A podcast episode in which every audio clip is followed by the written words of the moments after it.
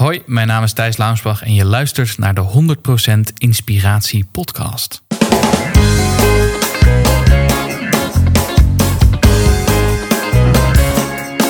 Hey, wat goed dat je luistert. Hij staat weer voor je klaar.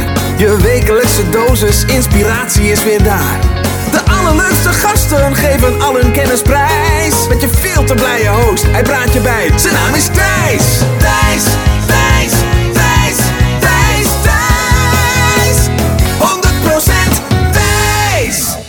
Welkom bij weer een nieuwe aflevering van deze podcast. Ik vind het echt super leuk dat ik deze podcast heb, wist je dat? Ik hoop dat jij het ook waardeert. Ik blijf iets bijzonders vinden om één keer per week met jou te connecten. En eh, hopelijk om je te inspireren. En als je hier wat mee doet, ja, dat zou ik helemaal epic vinden. Dat je niet alleen inspiratie opdoet, geïnspireerd raakt, misschien onderweg of tijdens het sporten, maar dat je ook eh, actie onderneemt. Ehm, en ik nodig je natuurlijk ook van harte uit om een keertje langs te komen live bij de 100% Inspiratieshow. Misschien ben je een nieuwe luisteraar, denk je Thijs, Inspiratieshow nog nooit van gehoord. Check even thijslindhout.nl, daar vind je ook een kerstverse promo video. Dit najaar ehm, doe ik een live show in 12 provincies in, eh, in de theaters, waarin ik... ehm, ja, je zou wel kunnen stellen dat ik daar eigenlijk de beste inzichten van mijn persoonlijke zoektocht naar geluk, gemengd met de beste inzichten van deze podcast, die deel ik eh, met jou tijdens een, eh, een leuke avond uit. Dus check daarvoor thijslindhout.nl. Nou, en over Thijs gesproken in deze podcast interview ik Thijs Launsbach. En Thijs Launsbach is eh, spreker, auteur en eh, psycholoog. Hij heeft een, eh, een hele hoop boeken geschreven, onder andere het boek Quarterlife, het Millennial Manifest, het boek Fucking Druk, die ik nu omhoog hou voor de mensen die dit interview bekijken op YouTube. En zijn allernieuwste boek, Werken met Millennials, is net uit. 12 september is die uitgekomen. Dus die is gewoon vers van de pers nu te bestellen. Waar gaan we het dan in dit interview over hebben? Ehm, ik heb een TED-talk bekeken van Thijs. En aan het begin van zijn TED-talk zegt hij... er zijn eigenlijk twee overtuigingen die we met z'n allen als maatschappij hebben... die nogal problematisch zijn. De eerste is... a good life is a busy life... En die tweede is dat wij dangerous levels of stress, we think that's normal. Oftewel, we zijn met z'n allen het druk zijn en het hebben van stress heel normaal gaan vinden. En uh, dat is zorgelijk. Um, in het interview behandelen we ook wat zijn nou de nummer één symptomen van een burn-out. Um, hoe kun je een burn-out voorkomen? Hoe kun je wel de juiste keuzes maken? Hoe kun je focussen op wat echt belangrijk is voor jou? En natuurlijk die doelgroep millennials. Ben je een millennial? Of werk je met millennials? Dan kun je niks anders doen dan dit interview helemaal af gaan luisteren. En nog een keer en nog een keer. Um, of gewoon alvast thijslindhout.nl slash thijs te checken voor een hele toffe winactie. Thijs Launsbach is psycholoog, is een wandelende encyclopedie. Um, dus ik uh, durf al te beloven dat je veel aan dit interview gaat hebben. Hier is Thijs Launsbach. 100% Thijs. Volgens mij is dit, ja, dit is de eerste podcast met een uh, tweede Thijs. Hey, spannend. Uh, ja, dus dat, we hebben hetzelfde geboortejaar, 1988. Klopt, ja. Uh, zelfde voornaam.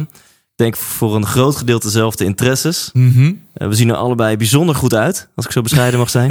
Oké. Okay. Dus ehm, dit kan alleen maar eh, energie worden, volgens mij. Dan gaan mensen nog denken dat het een, een tweegesprek met jezelf is, misschien. Ja, ja. van oh, die Thijs is nu echt naast zijn schoenen gaan lopen. dat hij gewoon heeft één stem een beetje getweakt. En uh, ja, ik denk sowieso dat mensen nu heel gauw naar YouTube gaan. Die denken, oh, ik wil het gewoon op YouTube gaan checken. Dan kan ik ze ook zien. Nou, dat kan dus gewoon als je luistert. Je kan dit ja, ook kan je gewoon, ook truceren natuurlijk, hè, tegenwoordig. Maar goed. Dat is waar. Nou, dan, dan ga dan naar YouTube, bekijk het interview en oordeel zelf of okay, dit cool. echt is of uh, Hans Klok uh, trucage.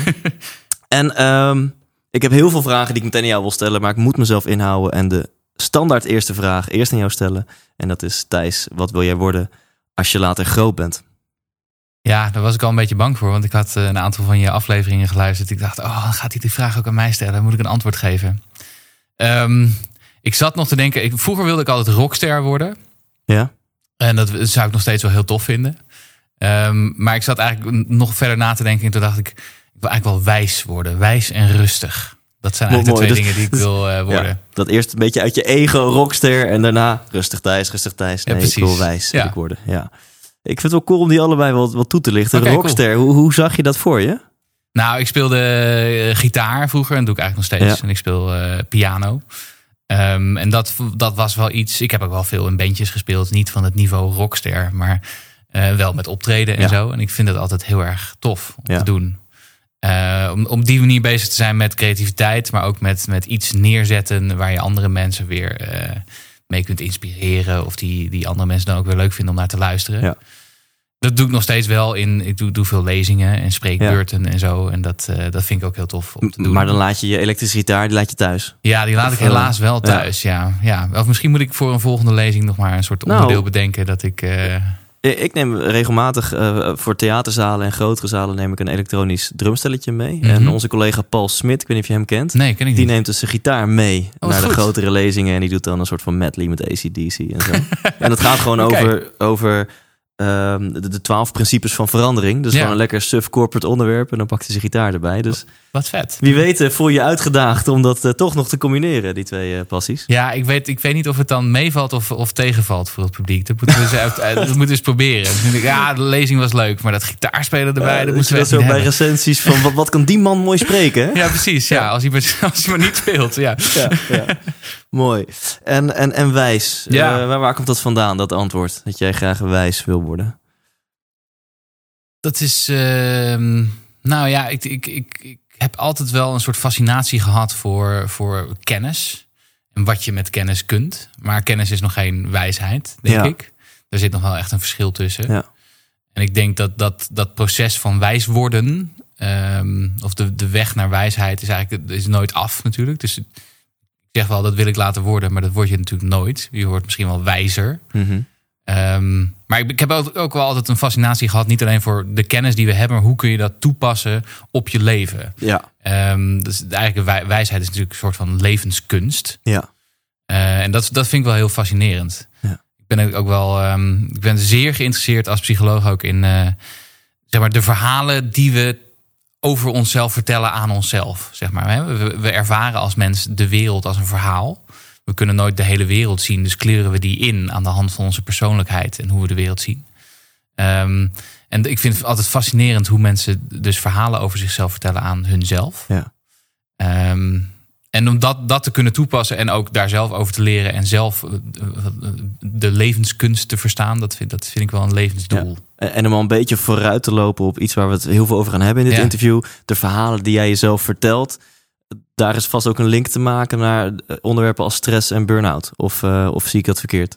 Zeker, zeker daar, daar zijn verschillende links. Ik denk ehm, dat voor, voor veel mensen geldt dat ze, dat ze zich dermate het gevoel hebben dat ze zich moeten bewijzen, omdat ze altijd onderdoen voor de, voor de verwachtingen die ze over zichzelf hebben. Of waarvan ze denken dat de wereld dat van hen verwacht. Ja. En dan maar denken, ehm, oh, ik moet maar gewoon nu doorzetten. En eh, al die moeilijke signalen van, eh, van hoofdpijn of moeheid of zagrijnigheid, die moet ik maar negeren. En ik moet doorvechten, want ik moet mezelf bewijzen. Dat is, eh, dat is denk ik ja. een van de redenen dat mensen in een burn-out komen. De andere link is denk ik dat mensen die in een burn-out zitten vaak heel kritisch moeten gaan kijken naar waar gaat mijn leven nou eigenlijk Ja. over? En wat is, eh, wat is het verhaal dat ik mezelf vertel over Ja. mezelf? Ja, ze gaan op Ehm, zoek naar hun eigen levenswijsheid misschien wel. Ja, of die moeten eigenlijk weer, hè, die, die, die komen noodgedwongen thuis te zitten. ehm, en die moeten nadenken over waar gaat mijn Ja. leven eigenlijk over? En wat vind ik, wat, wat, waar haal ik mijn voldoening uit? Ja. En ja, wat dat betreft zou je kunnen stellen dat een burn-out een hele spirituele exercitie is. Ja, in ieder geval, de mensen worden zeer eh, geconfronteerd met verhalen, met, met, met Ja. kritische vragen over zichzelf. Ja. En Ja. nog- even over, over wijsheid, want ik Ja. vind een mooi antwoord. Je zegt kennis is geen wijsheid. Nou, dat kan dan wat mij betreft op een tegeltje. Ja, je, je hebt natuurlijk de, de, de seminar junkies, de goudzoeken, goudzoekers die overal de, de, de leerzame boeken, tegeltjes en seminars verzamelen. Ja, Maar dat maakt nog niet dat je eh, wijzer wordt. klopt. Eh, wat is wat jou betreft dan wel eh, wijsheid? Hoe zie jij dat voor je als ik over tien jaar, zo, sorry, 20 jaar een, een Thijs interview die eh 41, 51 is? Eh, ehm, wat voor persoon zit dan tegenover mij als die een stukje wijzer is dan de Thijs die je nu bent? Oh, dat vind ik een hele moeilijke vraag. Het schiet me te binnen. dat Ik was- een boek aan het lezen van eh, Jonathan Haidt. Eh, en dat was de, de, de Happiness Hypothesis. En die had het erover. die, die gebruikte eigenlijk verschillende metaforen. Die zegt: We hebben als mens, onze psyche.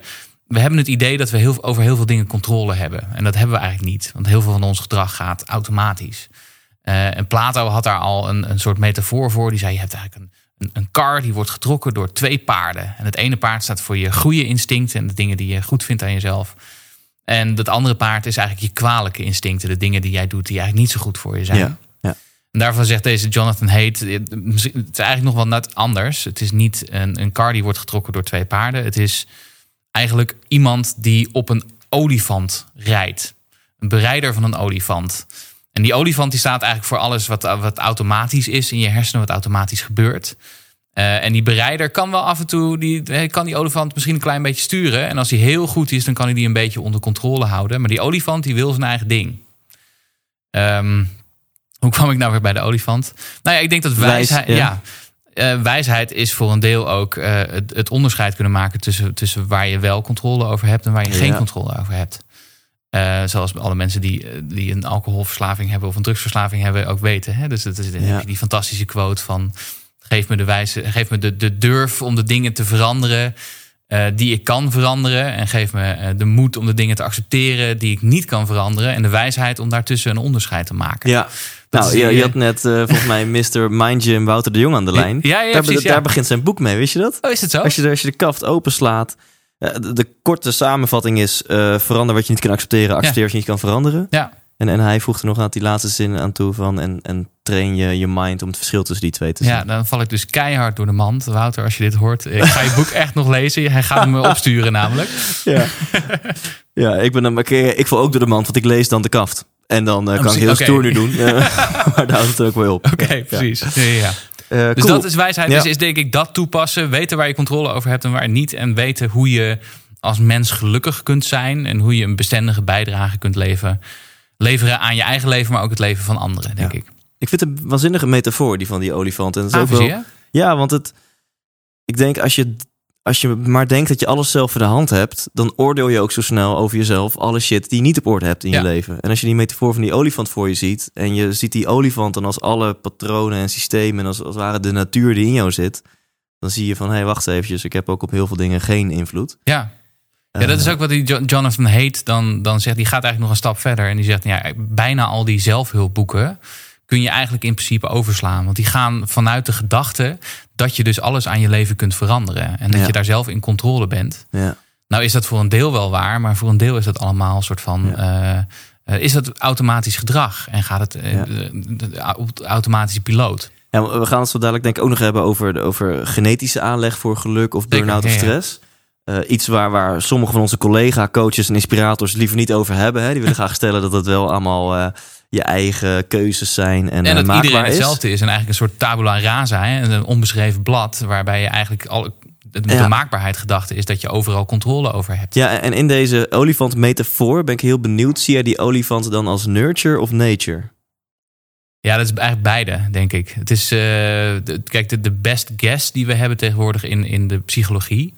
is dat het, dat het een, een vrij ingewikkelde combinatie is van die verschillende eh, eh, werelden. Dus we Ja. hadden verschillende scholen binnen de psychologie... en, en de behavioristen zeiden het is allemaal aangeleerd gedrag... Ja, Eh, de evolutionair psychologen zeiden over het algemeen, ja, dat is bijna allemaal genetisch aangelegd. Ja.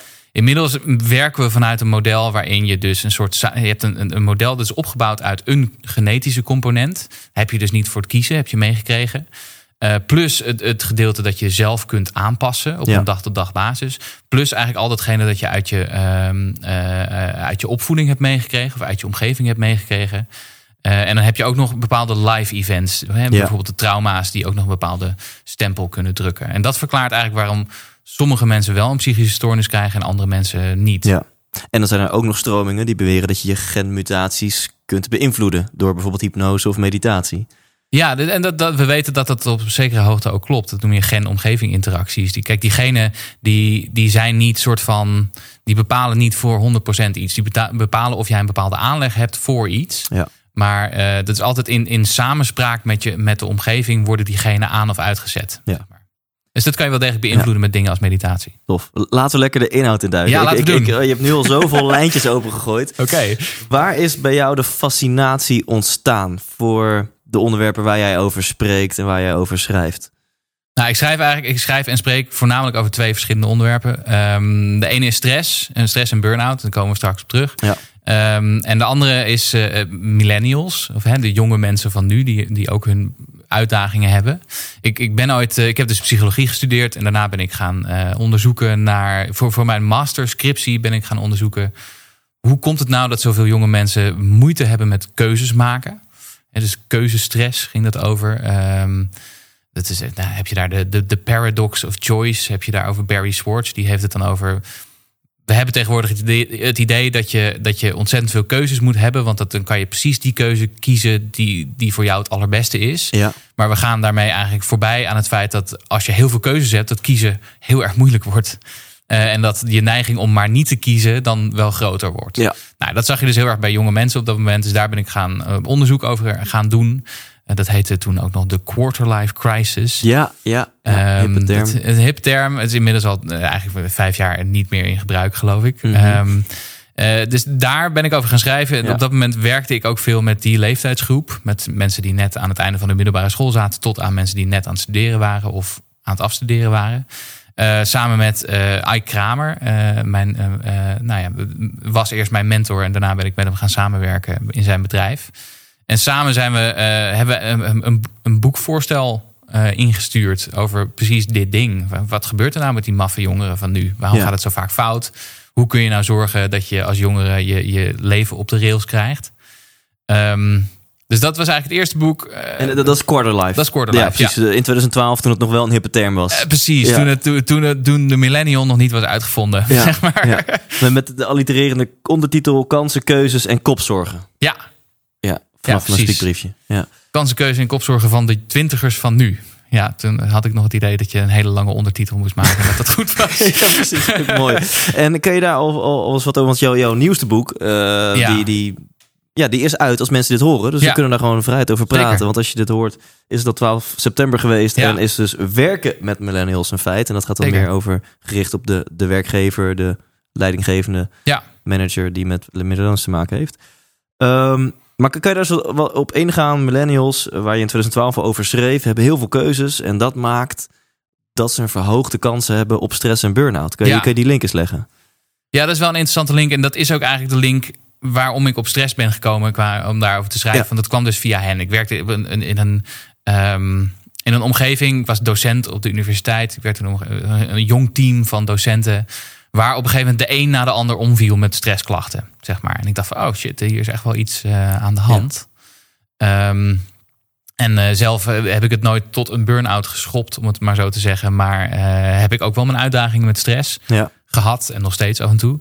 Dus die, die link tussen jonge mensen en stress die is nogal aanwezig. En Ja. dat zie je ook terug in de cijfers. Hè. Je hebt de, de, de, de, het CBS dat uh, becijfert dat um, over de gehele linie ongeveer 17% van de mensen uh, last krijgt van burn-out-achtige verschijnselen. Ja. En juist bij die groep 25 tot 35-jarigen, die millennials, is dat nog een stukje hoger. Dus gaan we al richting de 19 à 20 procent. Wow. Dus dat is heel veel. Het zijn overigens niet de mensen die thuis zitten met een burn-out.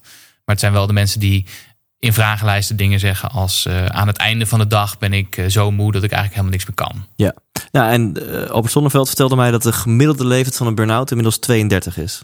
Ah, dat, dat, dat, Dat, niet kunnen. met jouw bronnen? Of, ik heb niet naar de gemiddelde leeftijd gekeken, maar het, het kan, ik, ik kan me er iets bij voorstellen. Ja. Ja. Ik kan me ook voorstellen dat het nog wel lager wordt. Dat Ja. het nog wel jonger Ja. wordt. Want ook, ik denk vooral ook. Want dat was eigenlijk je vraag natuurlijk. Ja, ja. Eh, vooral ook deze groep jongeren. ehm, daar, daar, daar, nou ja, ik denk dat er ook wel iets in die generatie zit die maakt dat ze nogal vatbaar zijn voor stress.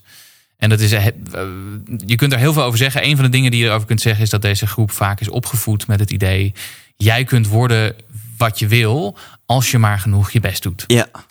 Um, en eigenlijk zit daar ook een beetje de, de, de, de on, nog een boodschap onder. Dat is namelijk, als je niet hele fantastische dingen doet, dan ben je eigenlijk niet zo heel veel waard als mens. Dat is in ieder geval volgens mij hoe deze groep dat vaak heeft opgevat. Dus het is heel erg vanuit die maakbaarheidsgedachte en vanuit je kan worden wat je wil. Uh, maar je moet ook wel iets belangrijks presteren. Iets heel, een hele belangrijke prestatie Ja. neerzetten. Uh, Justin Bieber die uh, iets zingt op YouTube en vervolgens wordt opgepakt en een superster wordt. Dat Ja. zijn de rolmodellen die Ja. wij dan Ja. hebben. Um, nou, ja, ik, ik denk dat dat, er, dat dat ervoor zorgt dat juist specifiek bij deze groep. Dat die nogal de neiging hebben om hun eigen grenzen op te zoeken en over te gaan als het gaat om omgaan met stress. Um, en er speelt ook nog bij dat natuurlijk bij uitstek deze groep uh, midden in, uh, in, in de, alle technologie zit. Dus he, uh, sociale media is natuurlijk Ja. iets dat heel erg beantwoordt naar onze vragen aan, aan, aan erkenning en verbindenis. Maar we zijn ook behoorlijk verslaafd aan onze telefoons Ja. tegenwoordig. Ja, want misschien beantwoord je al mijn volgende vraag. Waar, waar komt deze imprint met name vandaan? Is dat ouders, is dat eh, omgeving of is dat social media met name? Dus die imprint van hey, je kan alles bereiken als je maar je best doet. Ja. Dus als je niks tofs bereikt, ben je een beetje een loser. Ja, Waar komt die imprint vandaan? Dat, zijn, het is eigenlijk een, een, een samenraapsel van verschillende factoren, denk ik. In, inderdaad, dit is de, de groep die ehm, eh, voor het eerst echt is opgegroeid met dit, deze vorm van technologie. Dus ik weet niet of jij dat ook hebt, dat je nog de, het geluid van een inbelmodem je kan herinneren. Ja, ja, ja. ja, ja. En het, het geonderhandel met je ouders over hoe lang je dan online mocht Ja. zijn, omdat de rest van het gezin niet kon, in- niet kon bellen, weet je wel. Ja, mijn vader had zo'n zo'n zo'n zo'n programmaatje van KPN geïnstalleerd. En dat Ah. moest je inloggen en dan kreeg je een half uur per dag of zo. Oh, wat slim. Ja, ja. precies. Eh, maar later is dat natuurlijk de alomtegenwoordigheid van al dat soort technologie geworden. Hè? Het feit dat we ehm, eigenlijk altijd online kunnen zijn. En, en, en, nou, ik, ben, ik ben best wel kritisch over die telefoons en de positie daarvan in ons leven. Ik denk dat we echt veel te veel van onze tijd en on- onze energie daaraan spenderen. Ja. Ehm, dus dat is één factor. Een andere factor is dat, dat ze eigenlijk geboren zijn in een tijd van individualisme. Ehm, eh, dus de, de tijd net na de Koude Oorlog, zeg maar. Net na het einde van alle grote ideologieën. Waarin we eigenlijk helemaal zeg maar, de, de, de, de neoliberale gedachten hebben verinnerlijkt. Zeg Ja. maar, hè? Van als je ehm, heel erg je best doet en als je goed bent en getalenteerd bent, dan kom je aan de top. En dat is ook eigenlijk de bedoeling, zeg maar. Ehm, plus dat, dat denk ik onze ouders, ik, ik praat het nu in ons merk ik, maar dat, ja, we zijn allebei van die generatie. Ja. Denk ik. Ehm, onze ouders ons nog wel eens eh, beschermd hebben opgevoed. Dus vanuit de gedachte dat een kind heel erg belangrijk is en dat je die zoveel mogelijk moet beschermen eh, voor eh, de tegenslag in het leven of voor ongeluk. En dat eh, zorgt er eigenlijk voor dat, dat op latere leeftijd vaak millennials wat moeite hebben met omgaan met tegenslag. Ja. Want als je dat niet zo gewend bent, dan, dan kun je daar ook minder goed tegen. Dus als je dan wel in een situatie komt waarin je Ja. kritiek krijgt, bijvoorbeeld als je ehm, op, bij je eerste echte baan een half jaar gewerkt hebt en je krijgt een, eh, hoe noem je dat, zo'n gesprek, een voortgangsgesprek, functioneringsgesprek, functioneringsgesprek. En je krijgt te horen dat je een aantal dingen supergoed doet, maar een aantal dingen ook echt nog wel verbetering behoeven, dan, dan hoor je misschien iets heel anders. Dan hoor je namelijk, je hebt gefaald en je kunt maar beter zo snel mogelijk je spullen pakken. Ja. Eh, dus nou, dat, dat zijn zo een aantal van die elementen bij elkaar die deze groep nog wel eens een beetje kwetsbaar maken voor stress. En ehm, je hebt het boek geschreven 2012. Eh, waar was Oh ja, korte lijf. Ja. Ja, ja, ja, ja, eh, want daar waren we volgens mij een soort van. Ehm, ben, je, ben je toen ook direct spreker geworden op dit onderwerp? En dat je dacht, hé, hey, ik heb een soort van roeping gevonden om eh, de wereld te gaan be- behouden van, van burn-out. En eh, ik kies als doelgroep millennials. Nou, niet per se. Ik, ik, ik, was toen wel. eh, ik, ik zat nog een beetje in de, in de geestelijke gezondheidszorghoek. Dus ik werkte bij Generation Y in Haarlem. Ja. En wij deden bijvoorbeeld workshops op middelbare scholen over omgaan met stress, maar ook over dingen als plannen, dat soort levende skills. En we hadden een spreekuur in, eh, voor, voor jongeren in een jongerencentrum. Eh, en tegelijkertijd was ik, was ik aan het werk eh, als psycholoog al ehm, bij de opvoedpolie ooit. Het- het- Ja. De kinder- en jeugdpsychologie was dat. Ehm, dus ik was nog niet gelijk spreker. Wel kwam ik er in die tijd achter dat, dat de geestelijke gezondheidszorg niet per se iets was voor mij. Ja. Want de, de, de vorm daarvan vind ik, die past gewoon niet heel erg bij mij. Eh, om, om allerlei redenen. Ehm, maar ik ben dus iets anders gaan doen. Dus ik ben les gaan geven op de universiteit. Dat heb ik eh, ongeveer vijf jaar gedaan. Met eh, werkgroepen voor studenten. Ja. Ehm, dat is denk ik wel een beetje mijn training geweest voor, voor spreken in het openbaar Ja, ook. ja. Want dan, dan om zo'n hele groep studenten te boeien en geboeid te houden, dat vergt enigszins iets van je. Ja, ja, zeker. En merk je dan dat ze. ehm ik zo zeggen dat ze aangaan als jij het hebt over jongens die burn-out, die, die, die, die, die ligt om de, op de loer en kijkt ervoor uit. Want ik kan me ook Mhm. voorstellen dat ze denken van pff, Thijs, come Zeur. on man. Ja, Dat gaat, ik snap dat dat losers overkomt, maar mij niet. Weet je, want ze kennen de klappen van de zweep nog niet zo, zo klopt. goed. Klopt. Eh, Nou, ik, ik, ik- eh, gelukkig hoefde ik niet alleen daarover met ze te ja, spreken. oké, hoor. Er was allerlei fascinaties eh, met, ehm, eh, bi- binnen, de, binnen de psychologie. Wat, wat ik wel... Ik gaf dus eh, psychologie eerstejaars werkgroepen. eh, een soort van algemene vakken. Ja. Eh, wat ik wel merkte is dat als je kan praten over dingen die je echt interessant vindt... dan, dan pakken studenten dat echt wel op. ja. Dus wat ik heel vaak deed, is gewoon naast het, ehm, Dus naast het reguliere programma gewoon dingen toevoegen die ik zelf heel tof vond om Ja. met ze over te praten. En dat, Ja. da- daar gaan mensen wel echt van aanstaan. Zeker studenten die dat nog heel erg eh, op zoek, daar naar op zoek zijn. Hè? Van Ja. wat, wat, wat vinden we interessant? Wat kunnen andere men- mensen ons vertellen over wat interessant is in de Ja. wereld? Zeg maar. Dus dat, dat werkt heel goed. Ja, en ik denk dat een, een jonge, gepassioneerde leraar Ja, eh, ook gewoon fijner is om naar te luisteren dan eh, misschien wat van jouw oudere, grijzere collega's. dat die, zou kunnen. ja. wellicht. eh, ja. ja, ja. Ja, ja, zeker. En zeker als je uitgedaagd wordt om zelf ook na te denken en zelf ook te praten Ja. daarover. Ja, ja. cool. Eh, ik wil het zo dadelijk allereerst ook eh, hebben over, over het mooie boek Fucking Druk. Ja, is Eh, wat mensen gewoon nog steeds kunnen bestellen. Het Anti-stressboek. Maar nog even, omdat ik het zo, zo fascinerend vind. Als we het hebben over de burn-out. Ja. Grote kans dat als mensen luisteren, als mensen dit horen of zien, dat ze een achiever zijn. Ja. En wat mij betreft ben je dan een risicogroep om een burn-out te krijgen. Klopt. Kun je daar eens wat over vertellen?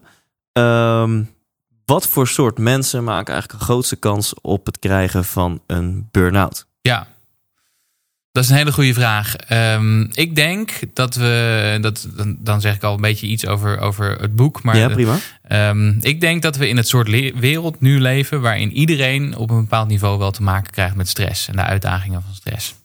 Ehm, dat wil niet zeggen dat iedereen ook even kwetsbaar is daarvoor. Daar zitten wel, wel degelijk grote individuele verschillen, denk Ja. ik, in. Ehm, ik heb ook, en dat, dat is ik vind dat altijd heel grappig. Want als ik dan schrijf over stress en ik kom bij, ik geef dan het boek aan vrienden van mij, dan zijn er een paar vrienden die dan die zeggen: Nou, ik heb het, ik heb het keurig even doorgelezen. Herken er helemaal niks van. Helemaal niks. Nee, het is leuk hoor, maar het is, ik, zit- het is niet mijn wereld. En, en, die vrienden runnen een yogasalon of zo? Nee, nee, nee, nee, nee. Dat zijn. eh, de, nee, niet eens per se. Ehm, het zijn niet per se verlichte types. Mooi gesproken. En, en daar wil ik het graag bij houden. Ja, ja, die vrienden. Maar ehm, je hebt dus gewoon een, een. Het is eigenlijk een soort normaalverdeling. Je hebt een percentage van de mensen die, die echt niet zo heel erg gevoelig zijn voor stress. En als je dat hebt, en dat heeft te maken, dus inderdaad, waar we het net over hebben, met je genen en je opvoeding en dat soort dingen. eh, Dan heb je best wel mazzel. Ja. Maar de meeste van ons, verreweg de meeste van ons, hebben op de een of andere manier best wel eh, gevoeligheid voor stress. Ja. Eh, of hebben een soort leven waarin veel stress voorkomt. Eh, er is een bepaalde groep die nog net even wat extra kwetsbaar is, denk ik. Eh, en dat heeft vaak bijvoorbeeld te maken met ehm, bepaalde persoonlijkheidsfactoren. Dus bijvoorbeeld mensen die. Je hebt de, de, de Big Five personality ehm, eh, indeling, die je ongetwijfeld wel kent. Eh, mensen die, wat, die heel hoog scoren op bijvoorbeeld conscientieusheid. Mhm. is een van die factoren. Eh, dus die hebben een enorm werkethos. En die, die kunnen pas rusten op het moment dat de taak af is. Of Ja. hun workload af is. Die hebben wat, wat sneller last van, van een burn-out. Eh, mensen die heel hoog op neuroticisme scoren. Dus mensen die zich heel veel zorgen maken om van alles. Mhm. die hebben ook wat, wat sneller last van een Ik, burn-out. vind- ik hou hiervan, van een wat wetenschappelijkere blik. Dus je hebt het over conscientieusheid Ja. en neuro, Neuroticisme. Neuroticisme. Dat klinkt heel akelig, maar dat is eigenlijk gewoon... ben jij ben je vatbaar voor negatieve emoties? Ja, en, en laten we ze op, op allebei even inzoomen Ja. om dan bij deze te beginnen. Eh, ehm, is dat aangeboren? Dat je heel vatbaar bent voor, voor piekeren en, en, en, en lekker in je hoofd blijven hangen? Ook daarvoor geldt dat is ook weer een combinatie van bepaalde genetische factoren. Hè? Als, als jij een familie hebt waarin dat heel vaak voorkomt, heel veel piekeren en zorgen maken, dan is de kans wat hoger dat jij het ook hebt. Ja. Maar het, is ook, het heeft ook te maken met je opvoeding en Ja. hoe je op jonge leeftijd te maken krijgt met hè, wat, je, wat je ziet aan hoe je problemen moet oplossen. Ja. En eh, ben je er dan van overtuigd dat als we het hebben over opvoeding, dat je eigenlijk in de eerste drie tot acht jaar van je leven, dat daar de grootste imprint plaatsvindt? Ehm, dus, er zijn psychologen die veronderstellen dat het zelfs nog daarvoor zit. Ja, ja. Dus de hechting is een Ja, hele belangrijke ja, factor. Ehm, hoe hecht jij je aan je ouders bijvoorbeeld, of aan je, aan je moeder eh, vaak, of aan je vader? Mhm. Ehm, maar de, voor, de voorbeelden die je ziet in die- in die kritieke fase, in die op jonge leeftijd, die zijn denk ik wel heel belangrijk. Ze niet, zijn niet alles doorslaggevend. Je wordt Ja. niet daar Nee. bepaald en voor de rest is het af en zo. Ja. Je, hebt nog steeds wel een bandbreedte waarin je Ja. kunt veranderen. Ja. Maar toch zijn ze wel heel belangrijk. Maar we, we kunnen ook vaststellen dat hoe jij ter aarde komt, dus echt je genen, daar kan je niet heel veel aan doen. Klopt. En ook hoe jij de eerste acht jaar bent geïmprint, kan je ook niet heel veel aan doen. Er zijn weinig jongetjes en meisjes van zes die aan persoonlijke ontwikkeling en patroondoorbreking doen. D- dus Zelfhulpboeken voor kinderen. Die bestaan. pre- precies. Ja. en dan met z'n allen yes roepen en over hete kolen lopen. Ja, ja precies. Ja. Ehm, de, de- de- dus het feit dat jij deels nurture, deels nature, eh, een, een, een, dat, dat neuroticisme aan aanleg hebt om, om Mhm. lekker veel te piekeren, daar kan je dus tot op zekere hoogte niet zo heel veel aan doen. Klopt. Ja. Ja. En dat is, wat dat betreft is het ook, eh, en dat is niet leuk om te horen, want het, eh, maar het, het- je, hebt, je hebt te maken met een soort van een, een toch een beetje een genetische loterij, noemen ze dat. Ja. Als jij toevallig met de, degene geboren bent waarbij je bijvoorbeeld ehm, een heel positief affect hebt, hè, vaak blij bent, dat is Ja. supergoed voor jou, maar dat is zeker niet iedereen. Nee. Ehm, en het is niet zo dat je dat, dat, dat volledig alles in jouw leven eh, bepaalt, maar het bepaalt wel de neiging die jij zult hebben in bepaalde situaties. Nou, ik denk dat het ook wel een enorme opluchting kan zijn. Ja. Want waar we het net ook al even over hadden. Juist als je heel hard predikt van... hé, hey, alles kan en je kan overal invloed op uitoefenen... dan ben je dus best wel streng voor jezelf. Ja. En als je denkt van... hé, hey, maar dit is, ja, het is kut... maar hier kun je gewoon niet zoveel aan doen. Je Ja. hebt gewoon van nature aanleg om veel te piekeren. Ja. En, en, en ook die, die conscientieusheid, want ik vind het ook wel Mhm. mooi... ook een lekkere geruststelling voor mensen die eh, een burn-out krijgen. Het zijn over het algemeen... ehm, eh, niet de bad guys die een burn-out krijgen. Niet Zeker de, niet. de mensen die super duidelijk hun eigen grenzen kunnen aangeven en lekker eh, asociaal slash eh, egocentrisch door het leven gaan. Ja. Het zijn de caregivers, de mensen die conscientieus zijn en die alles af willen maken en goed willen doen. Zeker. Ja, dus de mensen die de neiging hebben om, om, om alles goed te willen doen. En zich ook niet zo heel veel ruimte geven om fouten te maken. Ja. Ja, dat, dat is wel een, een, een bepaalde risicogroep. Ja. En, en je noemde dat geloof ik in de context van vijf persoonlijkheidstypes of zo. Ja. Zoiets zei je tussen neus en lippen door. Nou ja, je hebt de, de Big Five Personality Traits. Ja. Het het zijn eh, vijf schalen waar je ergens tussen twee punten uitkomt. De meest bekende is introvert, extrovert, Ja. eh, introvert, extravert. Ja, ja. Dus het gaat over de vraag: ehm, krijg jij energie van sociale interacties of kost het je juist Oh, dat, energie? dat is de hoofdvraag. Ja, Zo mooi. Ja, Er, zitten, er zitten nog wel wat, wat eh, extra kenmerken om, maar, waar, laten we. Want het, anders wordt het een college van anderhalf uur. Laten we het heel Ja. kort door de bocht Ja. houden. Nou, ik, ik, ik heb om het toch heel kort even. Ja, want. Ik, ik trap wel eens wat op Instagram daarover. Mensen vinden het fantastisch interessant. En dan heb je ook nog eens introvert, extravert en, en ambivert. Noem je dat dan zo? Ik kreeg in Dus, elk geval heel veel ja. bij de hand. Ik, ik zei tegen mensen van... nee, iedereen denkt dat ik een extravert ben. Die theatershows en vuurwerk en Ja. drummen en zo. Terwijl, eh, volgens mij ben ik een onwijze introvert. En eh, laat ik heel erg op. Dus eh, als ik in mijn eentje ben... dus je zou mij kunnen zien als een extraverte introvert. Ja, En toen heel veel mensen gaven mij berichtjes van... nee, dan ben je een... Volgens mij was het ambivert. Oh, Nee, misschien zeg ik het wel helemaal er verkeerd. Maar in elk geval... er Ja. maar de vraag is wel: als je bijvoorbeeld naar een feestje gaat, eh, levert je dat energie op of kost je dat energie? Ja, dan, dan, moet, dan val ik wel echt in de introvert. Meestal. Het zijn natuurlijk uitzonderingen. Ik heb Ja. afgelopen vrijdag heb ik echt eh, voor het eerst sinds lange tijd eh, besloten om even goed mijn kop eraf te zuipen Mhm. en een goed feestje gepakt. En dat was, ik was helemaal back af qua, qua fysiek eh, de dag erna, maar ik voelde me helemaal opgeladen Ja, qua, qua mentaal. Maar over het algemeen, als ik na een lange week hard werken op vrijdagavond thuis kom, dan denk ik niet van, oh, ik ga nu even vijf vrienden bellen om op te laden. Nee, dan denk ik, nou, nu gaat even mijn telefoon op vliegtuigmodus en ik ga in de voetenshouding op de bank liggen en dan laat ik op. ja precies. Nou, dat, is, dat is het verschil tussen de introvert en extravert. Las ik laatst. Hoe zat het ook weer? Introverte mensen zijn, eh, zijn een soort van batterijen. Die moeten af en toe even opladen. Oh ja. En dat moet dan aan de muur hangen, zeg maar. Ja.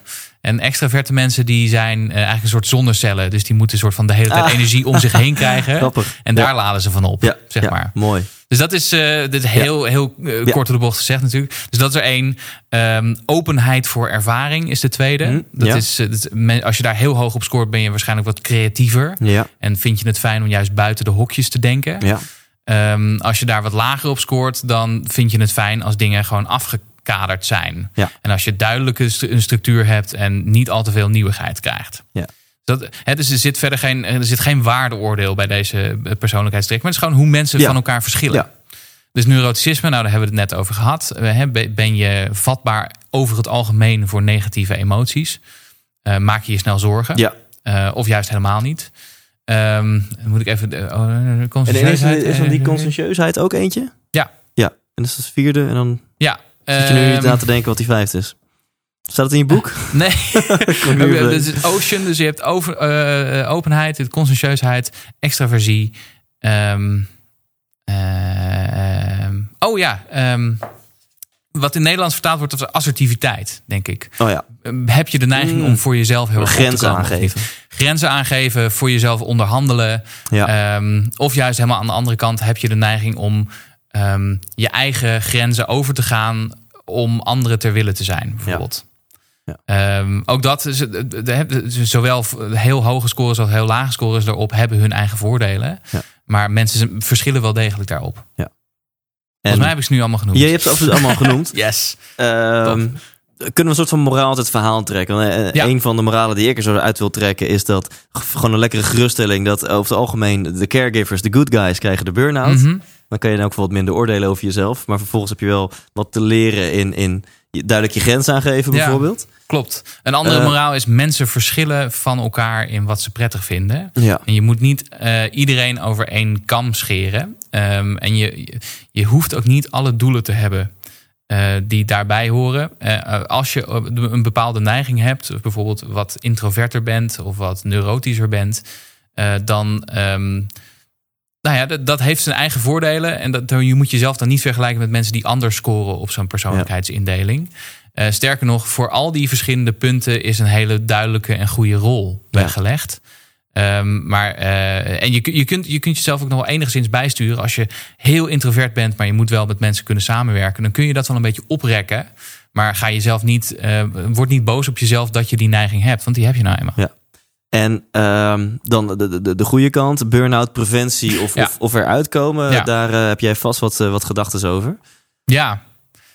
Oh, heel veel.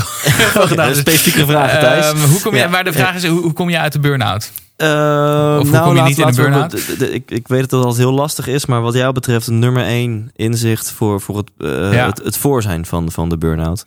Ja, je, Dus hoort, je, hoort mensen- me nu, je hoort, me- hoort me een beetje twijfelen. En dat is altijd omdat ik een beetje...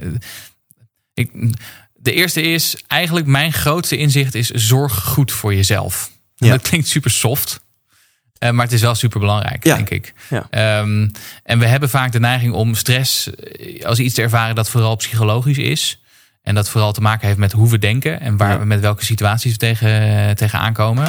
Ehm, maar het heeft ook voor een heel groot deel te maken hoe jij lichaam, hoe fit jij lichamelijk bent. Ja. En dat is best wel een geruststelling, want dat betekent dat als jij heel veel stress ervaart, dat, dan hoef je niet. Is niet de eerste stap dat je je hele leven moet omgooien. Nee. Dat je een andere baan moet gaan zoeken en eh, weet ik veel, je thuissituatie moet omgooien. De eerste stap is voornamelijk zorg eh, goed voor je lichaam. Nou, het wordt ook wel concreter dan dat, gelukkig. En je- er zijn eigenlijk een aantal dingen die daar heel belangrijk in zijn. Slaap. Ja. Nou, ik weet dat je een gesprek hebt gehad een tijdje geleden met een slaapexpert. ja. Super belangrijk. Ja. Ehm, voor de meeste mensen is dat tussen, tussen de zes en de acht uur per nacht. Veel belangrijker nog, eh, niet veel belangrijk, even belangrijk ongeveer is de structuur waarin je slaapt. Ja. Dus dat je op hetzelfde moment naar bed gaat, op hetzelfde moment weer wakker wordt. Ja. Ehm, heeft te maken met je slaapcycli. Ja. Ehm, nou, daar weet je ongetwijfeld meer van dan ik. Ehm, maar dat, he, goed slapen is stap 1. Gezond eten is stap 2. Ehm, ik heb me laten vertellen dat de, de, de meest stressreducerende, het meest stressreducerende dieet is een traditionele, traditioneel dieet met veel groenten, eh, wat eiwitten en wat koolhydraten. Mhm. Even belangrijk daar ook weer is de timing van je maaltijden. Ja. Eh, want mensen worden gewoon hangry. Dat Ja. is echt een ding. Ja. Eh, je ervaart de wereld ehm, als veel negatiever Ja. als je trek hebt dan wanneer je dat niet hebt. Ik had het zelfs net nog toen ik hier naartoe reed. ja. Ik, ik wou er echt- niks over zeggen. Oh, maar- nee, precies. Nee. Dus ik heb echt net Ja. een, een maaltijdsalade naar binnen Ja, gewerkt. omdat ik gewoon, eh, ik dacht, eh, op een gegeven moment werd ik heel erg geïrriteerd van het verkeer om me heen. Ik denk, Ja. wat is er nou aan de hand? Nou, gewoon, dan daalt je bloedsuiker. En dat, dat heeft een effect op hoe jij de wereld ervaart. Mhm. Ehm, regelmatig bewegen. Ehm, voor, voor stress is in ieder geval belangrijk dat je bijvoorbeeld twee keer per week een half uur in moderatie sport. Het hoeft echt geen halve marathon te zijn. Ja. Ehm, zorgen dat je, eh, oh ja, uitkijken met, eh, met alcohol, met eh, cafeïne en met andere vormen van drugs. Ehm, want ja, cafeïne is ook een, is, Ja. een stimulant. Waarmee ik absoluut niet wil zeggen dat je dat nooit zou moeten doen. Want wie ben ik om, Ja. om je luisteraars dat advies mee te geven. Maar je moet wel weten dat het ook effect heeft op, op de hoeveelheid stress die je ervaart. Ja. Deze tip heb je ook op Lowlands meegegeven vorige ja, week. precies, ja. Jongens, kijk uit. Ja. Komende week kan je wel eens iets gestresster en iets sipper zijn dan normaal. dat hoort erbij. Ehm, eh, nou ja, en als je super veel koffie drinkt eh, en je bent ook super gespannen de hele tijd, dan kan daar ook best wel een relatie tussen liggen. Tot slot, super belangrijk dat je momenten hebt in je week waarin je zo min mogelijk doet. Ja. Eh, dus echt eh, rust hebt. Ja. Ehm, voor sommige mensen is dat ze, dat ze een wandeling gaan maken. Ja. We weten ook dat eh, als je in de natuur wandelt, dat je dan sowieso een lager cortisolniveau hebt dan Ja. als je in een stedelijke omgeving Ja. wandelt. Eh, cortisol is je stresshormoon. Ja. Ehm, eh, en en nou, dus dat, of je gaat zitten op de bank met een kop thee, of je gaat wat mediteren. Netflix werkt helaas niet. Jammer is dat. Maar dat Ja. is omdat we vinden dat het juist zo leuk, omdat we eh, ons brein eigenlijk eh truceren. Hè? Dat we of voor de gek houden dat we super interessante dingen aan het doen zijn. Dat doen we met Netflix. Ja. Dus Ja, heel leuk, maar niet voor die categorie rust. Ja. ja, zoals Mark Tegelaar heel mooi zegt, focus uit. Is ook gewoon belangrijk. En inderdaad, eh, je vindt Netflix waarschijnlijk leuker dan het verwerken van een ingewikkelde Excel-sheet. Ja. Maar het is voor je brein exact dezelfde inspanning. Ja, klopt. Ja. ja. Ehm, dus ik vind het heel tof. Je, je, je, je kraakt er bijna je eigen antwoord een beetje af. Van hey, goed voor jezelf zorgen. Is een, maar dat, dat is het eigenlijk gewoon. Ja, En dan vervolgens noemde hij volgens mij zes of zeven hele concrete dingen. Ja. Van, van voeding tot bewegen, tot ritme, tot eh, rust in je week inbouwen. Ehm, dus het- het- dat is allemaal heel logisch. ja. Eh, Maar ik, en al- ik kan me ook voorstellen dat mensen nu denken: ja, maar doe dat maar eens. Nou, ik denk, en misschien is het niet te doen om daar nu in het interview heel erg Mhm. op in te gaan. Maar ik denk dat voor iedereen persoonlijk de, de, de, het onderzoek is, als je in deze risicogroep zit. Van ja, maar als het dus zo makkelijk is, gewoon wat beter voor jezelf zorgen. Je eigen gezondheid, mentaal en fysiek op één zetten. Waarom doe je dat dan niet? En dan Ja. zit natuurlijk altijd dieper, zit er een overtuiging in je van sorry dat ik besta. Ja. Eh, voel je jezelf niet goed genoeg? Haal je al je eigen waarde uit de resultaten die je behaalt. In plaats van dat je die al uit je zelfliefde kunt halen. Ehm, en ik denk dat daar, daar, zit de kern. eh, die mensen, eh, waarvoor sommige mensen eh, misschien wel een burn-out nodig hebben om die kern te gaan vinden. Ja, dus het interessante is wel dat ik heb, ehm, ik heb voor, voor het boek heb ik een aantal mensen geïnterviewd die in een burn-out zitten. Ja. Ehm, en als laatste vraag stelde ik ze altijd de vraag: als ik nou, stel dat ik hier uit mijn tas een rode knop haal en die zet ik voor je op tafel en als je daarop drukt, dan is die hele episode die is eigenlijk nooit gebeurd. Die hele burn-out heb je nooit gehad. Zou je daar dan op drukken of niet? Bijna iedereen of praktisch iedereen zegt eh, nee, daar zou ik niet op drukken Ja. omdat ik door die burn-out ook dingen over mezelf heb geleerd die echt wel waardevol zijn. Ja.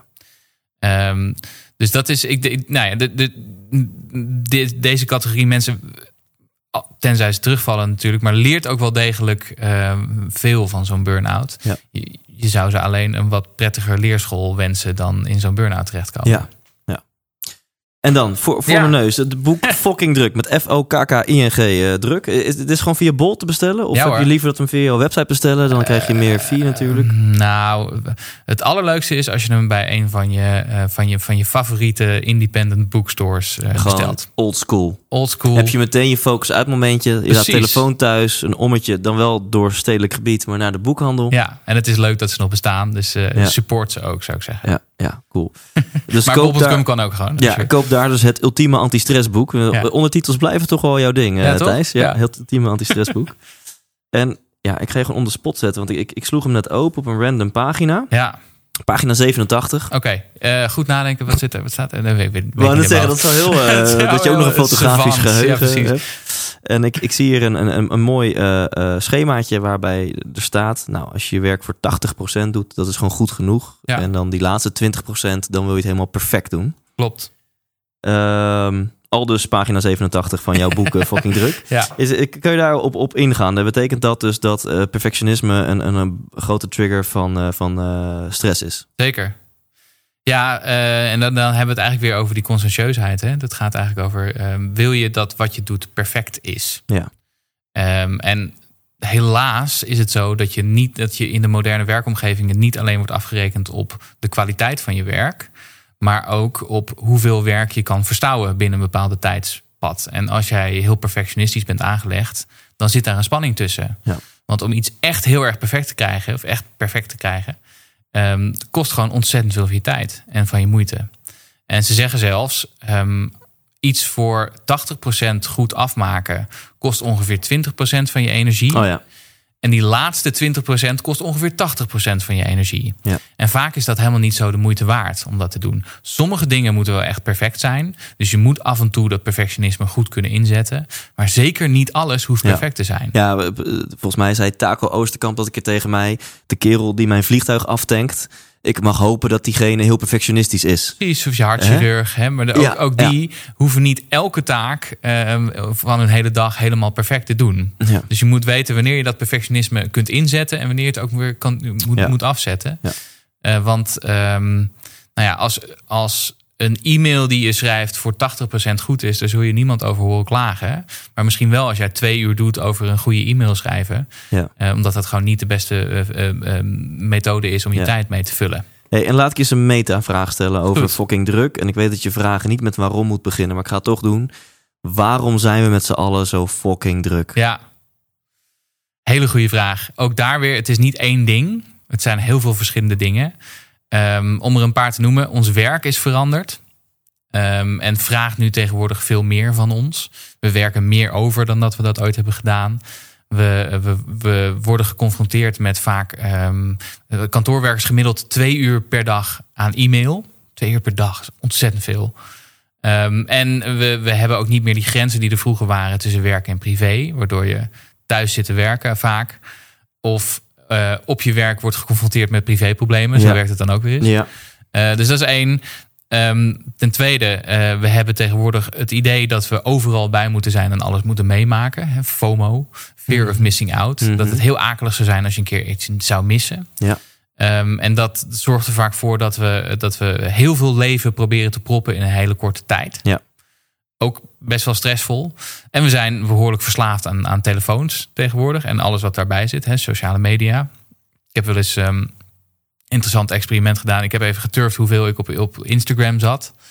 Nou, dat was ongeveer een kwartiertje per dag. Ik dacht, nou, valt eigenlijk nog wel ja. mee. Tot ik begon te rekenen. En ik dacht, oké, dat is dus twee uur per week. Dus, dus per maand is dat een werkdag. En per jaar is dat twee werkweken. Dus ik alleen maar, zeg maar foto's van baby's aan het, voorbij aan het scrollen. Van mensen die ik niet eens super aardig vind. Of zo. Dus het is gewoon zonde van tijd. Eh, dus er gaat ongezien ontzettend veel Ja. van je energie en je mentale Ja, en dan energie gaat een inzitten. kwartiertje per dag. Ik, weet je wat, ik ga nu gewoon on the spot. Ik ga nu bij mij kijken. En dan, dan verwacht ik dat bij mij ook nog redelijk binnen de... Want, maar ik, het zijn mensen die, die, die zitten twee uur per dag op Instagram, man. Ja, en dan, dan gaat het maal acht, jouw, Ja. eh, jouw, je mooie rekening. En dan maar zeggen, oh, ik heb geen tijd voor dingen. Ja, dat, dat snap ik. En maar dat, eh, het Wat? is die, Ja, nee, eh, ik heb afgelopen zeven dagen Ja? een schermtijd van 1 uur 33 minuten per dag. Eh. En over de afgelopen zeven dagen is dat 2 uur en 6 minuten Instagram. Dus dat is eh, 20 minuten per dag, denk ik. Ja, dus dat is, nou ja, dan, zit, dan zit je er ook aan die twee werkweken per, Ja. per jaar. Die je ook kan gebruiken om op vakantie te gaan of een taal te leren of zo. Ja. Ehm, dus de, eh, dat soort, de- de- die, die sociale media en, en die telefoons, die worden steeds beter in onze aandacht en onze Ja. tijd zoveel mogelijk Ja. pakken. Dat doen ze met allemaal eh, Ja. trucs, eh, bolletjes en eh, Ja, ja, precies. Die, die, dat is denk ik ook tip nummer één. En ook we rammen al die bolletjes. nu. Als je er gevoelig voor bent, ik ben er knettergevoelig voor eh, alles uit. Of ik heb wel eens een, een mail gehad van Facebook waarin stond... Henk en Sandra missen je, want je bent al drie dagen niet geweest. Ja, kom op jongens. Ja, ja, de, de, Ja. de, de psychologieafdelingen van Facebook en Booking.com en Instagram en zo, die draaien eh, prima. Ja, joh, zeker Zo. boeking, hè, dat soort eh, hoteldingen. Dan, eh, zorg dat je dit niet mist. Je bent de allerlaatste kamer. Nu wel boeken. Ja. Dus, eh, nou, je moet je voorstellen dat inderdaad dat soort bedrijven... en dat soort instanties hebben, hebben een legertje psychologen in dienst... die jou zo verslaafd mogelijk maken. Dat is een taak. Eigenlijk alle dingen die je als antwoord geeft op mijn vraag... waarom zijn we met z'n allen zo fucking druk? Ja. Er, ligt eigenlijk technologie, internet, telefoon ligt daar bijna onder. Je zegt werk privé is een vage... Nou, niet per se. Ik denk dat er Ja, ook vertel. wel wat dingen zijn tussen onze oren die ons behoorlijk druk maken. Dus bijvoorbeeld dat idee dat we tegenwoordig hebben dat we ehm 24 uur per dag, 7 dagen per week, eh, gelukkig, ehm, blij, sociaal, gezond, rijk en, en, en, en, en, en, leuk en aantrekkelijk moeten zijn. Ben je dat niet? Ja, ik natuurlijk wel, eh Thijs. Ja, maar, maar, maar doe, wat, doe wat Thijs doet en Ja, je zal precies. hetzelfde bereiken. Ja. Ehm, nee, maar, Nee, natuurlijk ik- ben je dat niet altijd. En die, die, die verwachtingen die we onszelf daarin op... Dat is het los van alle technologie, is dat de psychologie waar we in zitten. Je, je moet altijd de allerbeste versie van jezelf zijn. En gebeurt dat een keer niet, dan heb je een probleem. En heb je misschien ook wel een stoornis. Nou, Ja. Dat is behoorlijk gevaarlijk denken, denk ik. Ja. En komt dat door al die fucking goeroes en sommigen bij de hand... die ook nog eens een podcast gaan beginnen... die eh, Ik denk het, ja. mensen indirect vertellen... leef nou gewoon je mooiste leven. Ja, het Ja, is bedoel dat. serieus, is, hoor, ja, ja, ja. Het Ja. is dus dat. Het is de zelfhulpindustrie, maar het is vooral ook alle reclames eh, Ja. en alle sociale vergelijkingen waar we normaal mee te maken hebben. We hebben ook, kijk, die sociale media, die komen we toch weer bij technologie. Die Mhm. spelen natuurlijk heel erg in op onze ehm, drang om ons te vergelijken met andere mensen. En we kijken dan vooral naar de mensen die het beter doen dan wij op de een of andere manier. Opwaartse sociale Ja. vergelijking noem je dat. Nou, dan kom je dus eigenlijk altijd negatief zelf uit de bus. Ja.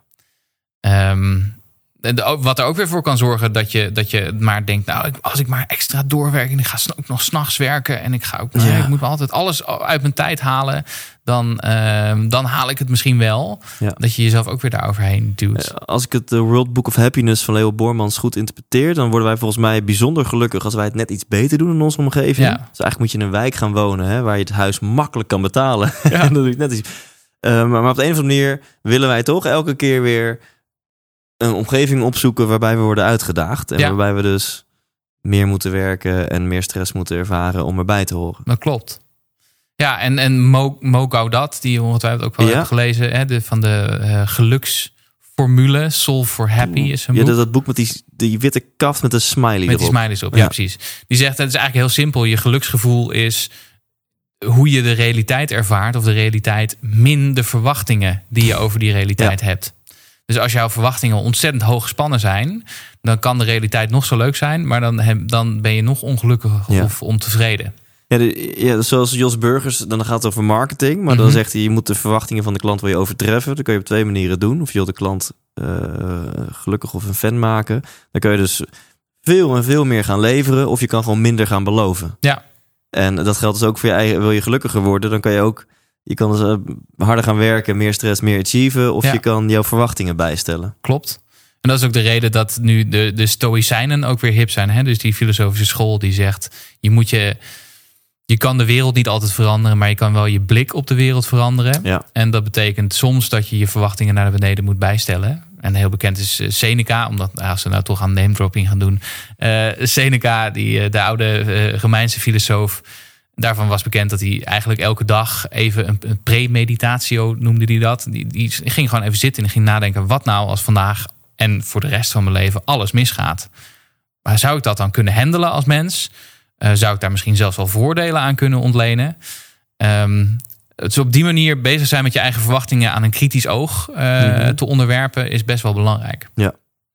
En dan langzaam naar de oplossing. Want dit, Ja. heet, eh, dit heet het ultieme anti-stressboek. Ja, Hè? Dat woord anti is essentieel in die zin. klopt. Eh, hoe kunnen we dan met z'n allen wat minder druk worden of minder druk ervaren? Dat is natuurlijk ook nog een verschil. Ja, nou, het, de, de, de- eigenlijk de grootste tip heb ik nou al weggegeven. Hè? Dat is dus zorg goed voor jezelf. Dat gaat Oh, over ja. die zelfzorg, die Ja. verschillende elementen daarvan. Ja. Ehm, eh, wat je ook kunt doen. Ik ben een beetje sceptisch over de waarde van wilskracht. Eh, bijvoorbeeld als het aankomt op onze technologieverslavingen. Ehm, dus ik, je kan wel tegen jezelf zeggen: ja, ik zou eigenlijk minder op mijn telefoon moeten kijken. Ja, daar kom je niet zo heel ver mee. Dus wat je wel kunt doen, is op slimme, slimme manieren bedenken waarop je wat ruimte creëert tussen jou en technologie, Ja, bijvoorbeeld. Eh, dus je hebt, eh, je hebt, natuurlijk is er nou ook weer een app voor. Je hebt die fantastische app die heet Forest. Ja? Waarbij er in je scherm een, eh, een boompje gaat groeien. Eh, Dan zet je op bijvoorbeeld een half uur. Dan gaat in je scherm een boompje groeien. En eh, als dat lukt, dan aan het einde dan krijg je, dan wordt er een boompje in je tuin geplaatst. Dat vind je natuurlijk leuk en zo. Als je iets anders doet met je telefoon dan op dat scherm houden, dan gaat je boompje dood. Mm. En dan Oh, heb je dus een je dode opent echt die app? Ja, En dus dat betekent, ik mag nu een half uur mijn telefoon niet pakken, anders... Precies. Ja. Ja. anders heb ik een dode boom. En dat wil je niet, want dan voel je je schuldig. Dus dan wordt dit is een he- een hele slimme manier wordt van onze psychologie gebruik gemaakt. Ja, tof. Eh, dus dat is er eentje. Ehm, je kan ook slim. Nou, daar, je hebt dat gesprek met Mark Tichelaar gehad. Dus die zou ik niet zo heel veel aan toevoegen. Maar be- bedenk hoe je je mailbox managt. Ja. En of je de hele tijd bereikbaar wil zijn van dingen. Ehm, het is natuurlijk niemand die jou dwingt om je notificaties van je WhatsApp aan te hebben staan, bijvoorbeeld. Eh, als je dat niet wil. Dus je maakt zelf de Ja. keuze over hoe je je, Ja. te- je, je, je messaging. Ja, maar, maar eh, daar begint toevallig, meneer Tegelaar heeft vorige week hier nog een training gegeven aan, Mhm. aan onze consultants. En, en dat is wel WhatsApp dan niet, maar wel vaak de, de- het argument wat in zakelijke context wordt gebruikt. Ja, maar mijn klanten verwachten, ja, maar mijn collega's verwachten, mijn relaties, mijn baas verwacht dat ik per mail, per telefoon, dat ik veel altijd maar bereikbaar ben. Ja. Dat, praten mensen zichzelf heel graag aan. Ja, en wat, wat, mij heel erg opvalt is dat als je eh, duidelijk bent over je eigen verwachting of duidelijk bent over hoe je die Ja, kanalen gebruikt, dat mensen daar eigenlijk nooit een probleem mee hebben. Ja. Dus je zegt, nou, eh, ik, ik check, en dat je een auto-reply hebt bijvoorbeeld, die zegt, ik check één keer per dag mijn mail. Als het sneller moet zijn, moet je me bellen. Kijk, tenzij, op je, tenzij je op de mail support van een Ja, bedrijf een werkt. Of je doet customer care met zo'n headset op. Kijk, dan snap ik dat je telefonisch of per mail bereikbaar moet zijn. Klopt. Maar eh, in heel veel andere beroepen geldt. Ja. Waarschijnlijk heb je jezelf dit verwachtingspatroon van je omgeving aangepraat. Ja. En gaan ze er ook wel mee akkoord als jij minder bereikbaar bent. Precies, als je er maar duidelijk over bent. Dus als je maar duidelijk bent over je eigen verwachtingen en je gebruik daarover, Ja. valt mij op. En dus, dus het kan zelfs nog zijn als je dat zegt, dat je mensen krijgt die, je- die je terugmailen die zeggen, ah, dat is eigenlijk wel slim dat je dat doet. Misschien moet Ja. ik dat ook maar doen, want ik word echt overstelpt door mail. Dus, hè, maar dat, dat, dat multitasken, of tenminste, dat, eigenlijk gaat het dan om taakswitching. Hè? Ja. Eh, bijvoorbeeld eh, een, een belangrijk project doen terwijl je je mailbox open hebt, dat, dat werkt gewoon niet zo heel Nee. goed. Eh, en daar word je gewoon extra gestrest Ja. voor en je productiviteit gaat naar beneden. Ja. Ehm, dus dat, dat, dat is een van die dingen. Dus zorg dat je, je goed omgaat met je technologie en dat je je tijd op een slimme manier indeelt. En Ja. zorg ook vooral dat je eh, echt ook momenten hebt dat je niet bezig bent met output en niet aan het werk bent. En Ja. dus dat is voor, voor mensen die dus heel conscientieus zijn, om Ja. daar nog eens op terug te komen, is dat best wel lastig. Ja. En ik denk dat dit allemaal 100% waar is. En het zijn allemaal eh oppervlakte dingetjes voor een gedeelte symptoombestrijdigingstips. Die pas echt gaan werken als je, naar mijn mening, op spiritueel vlak een shift maakt. Namelijk dat je het jezelf gunt om heel cliché dus jezelf op één te zetten. Dat je het jezelf gunt om goed voor jezelf te zorgen. Eh, heel Ja, zweverig gezegd moet je daarvoor wel de overtuiging hebben dat je er mag zijn. Klopt. Zeker. En, en je moet ook de overtuiging hebben, denk ik, dat jij degene bent die de keuzes maakt in je leven. Ja. En niet iemand anders. En wat is er. Ja, misschien is het een mogelijke vraag, maar daarom zit jij hier en kan ik me gewoon lekker aan jou stellen. Wat is er, denk je, voor, wat, wat, wat denk jij dat er voor nodig is voor veel mensen om die spirituele shift te gaan maken? Want als je eenmaal volgens mij die shift maakt, dan lees je het boek in één ruk uit en dan kun je het allemaal toepassen. En dan binnen een paar maanden ben je niet meer overstrest en overprikkeld. Ja. Wat is wat jou betreft, wat jou betreft voor nodig om die shift te maken naar jezelf op één zetten en goed voor jezelf zorgen? Ja. Ehm, sommige mensen, vrezen ik, hebben daar een, inderdaad een soort crisis voor nodig. Of moeten echt in de shit komen voordat, ze dingen, eh, voordat er dingen gaan veranderen. En eh, hebben daar misschien soms een burn-out voor nodig. Ja. Dat is misschien een beetje tendentieus om te zeggen. Maar eh, dat is vaak in ieder geval wat ik zie. Ja. Mensen beginnen daarna echt na te denken. Je hoopt dat ze dat op een andere manier doen. Maar dat eh, gebeurt Ja. soms op die manier. Dus dat is één. En misschien nou, een interessante link misschien ook wel Ja, is met, met jonge mensen hè, die net aan een carrière beginnen. Die gun je ook een leider of een rolmodel waar ze zich aan kunnen optrekken. En eh, die ze ook kritisch laat nadenken over hoe ben ik nou eigenlijk aan het werk. Ja. Eh, hoe werkt dat precies? Wat wil ik daaruit halen? En hoe doe je dat? Ehm, dus dat, dat is, zorg dat je de juiste rolmodellen om je heen Ja. hebt, denk ik. Ja. Die, je dat, eh, die ook de tijd nemen om je daarin te Ja. onderleggen. Ehm, en ten derde is denk ik zorg dat je gewoon breed leest. Dat je boeken leest uit verschillende richtingen. Dat je je interesseert in menselijke ontwikkeling. En dat je in ieder geval niet in de valkuil trapt dat je het gevoel hebt dat je klaar bent met je ontwikkeling. Ja. Dat je het wel zo'n beetje weet. Ja, dus dat je het startsein geeft aan je eigen ontwikkeling. Van hey, ik weet niet welk patroon er bij mij onder ligt. Waardoor ik mezelf maar niet die liefde of, of, Ja. of die zorg gun. Maar ik ga die ontdekken. Ja, precies. Ja. Nou ja, een van de methoden die je er kunt gebruiken is mindfulness. Ja. Ehm, dat is een hele goede manier volgens mij om niet alleen je aandacht te trainen, maar ook ehm, wat bekender te worden met wat er eigenlijk binnenin je leeft. Ja. We zijn nogal geneigd om naar buiten te kijken en op externe prikkels te gaan. Eh, maar dat dwingt je eigenlijk min of meer door eigenlijk hele saaie dingen te doen. Ja. Door kritisch te zijn op wat er in je hoofd gebeurt en dat te onderzoeken. Dus dat zou een Ja. methode kunnen zijn. Maar er zijn natuurlijk veel meer methodes. Wat ik heel kicken vind, ik, ik ben natuurlijk al langer bekend met mediteren, eh, omdat ik al een jaartje of tien eh, heel actief bezig ben met, met het machtig mooie onderwerp eh, persoonlijke Mhm. ontwikkeling en, en dat soort dingen. En ik lees in het boek van andere Mark, Mark Siegebeek van Heukelom, helemaal. Ja, helemaal naar de meditering. Ja, ja, een mastermindje moeten beginnen, man. Een groepje dertigers die de wereld een beetje willen veranderen. Ja, En ehm, hij, eh, hij, hij omschreef daar in zijn boek iets wat mij nog meer motiveerde om, om te gaan me- me- mediteren of meer te gaan doen. En hij zei: mediteren is dus niet alleen een beetje in de lotushouding onder een regenboog zitten, maar daarmee train je ook je vermogen om, om, om je gedachten te, te focussen op één, Ja. Één gebied. Bijvoorbeeld zo, zo'n body awareness meditatie of je ademhaling of wat dan ook. En daar heb je de hele dag wat aan, want dan kan je dus ook meer focus hebben, ben je productiever. Ja. Ik, en dat motiveerde mij zo. Ik dacht, ah vet, dit is gewoon een dikke skill die ik aan het leren ben. Die ik ook gewoon die andere eh, 160 uur die in de week zit, kan gaan toepassen. ja zeker. En het is, het, de- kijk, de waarde is heel erg uit te drukken natuurlijk in, in focus en dat je dat traint. Maar er zit eigenlijk ook nog een psychologisch component in. Hè? Dus het is ook echt onderzoeken wat gebeurt er in mijn hoofd. Ja. Wat zijn de gedachten die ik heb? Ja. En misschien nog wel het allerbelangrijkste, ik ben niet mijn gedachten. Ik heb misschien gedachten. Sommige dan, daarvan zijn positief, andere zijn negatief. Ja. Eh, dus ik denk misschien af en toe in de dag, wat ben ik een lul? Hoeft niet te betekenen dat dat ook daadwerkelijk zo is. Maar het is Ja. gewoon één gedachte die je hebt. Ja. Dus het onderscheid daarin trainen is eh, ook een van de doelen natuurlijk van, Ja. van mindfulness. Is super belangrijk. Hey, voordat we naar ehm, ehm, werken met millennials gaan, het Ja. boek wat nu uit is, Ja, ehm, eh, quote ik nog eventjes een, een pagina van een jou, willekeurige jou- pagina. van jouw oude boek, Alright. je vorige boek. Vorig jaar. Eh, Ja, fucking- mm. ja je, hoe, hoe poep jij ook gewoon vier boeken uit in een vijf jaar tijd? Ik vind het knap. Maar daar staat, eh dus denk ik een soort van visie van jou. Hè? David en Arjan hebben Nederland het gelukkigste land ter wereld. Ja. En hier staat 2030 burn-out vrij Ja. manifest. Ja. Ehm, kan je dat eens toelichten? Ja, zeker. Ehm dat, is, eh, dat is de epiloog van het boek. Ja. En ik kwam er eigenlijk bij het schrijven achter van... oh, nou heb ik dus dat hele boek geschreven.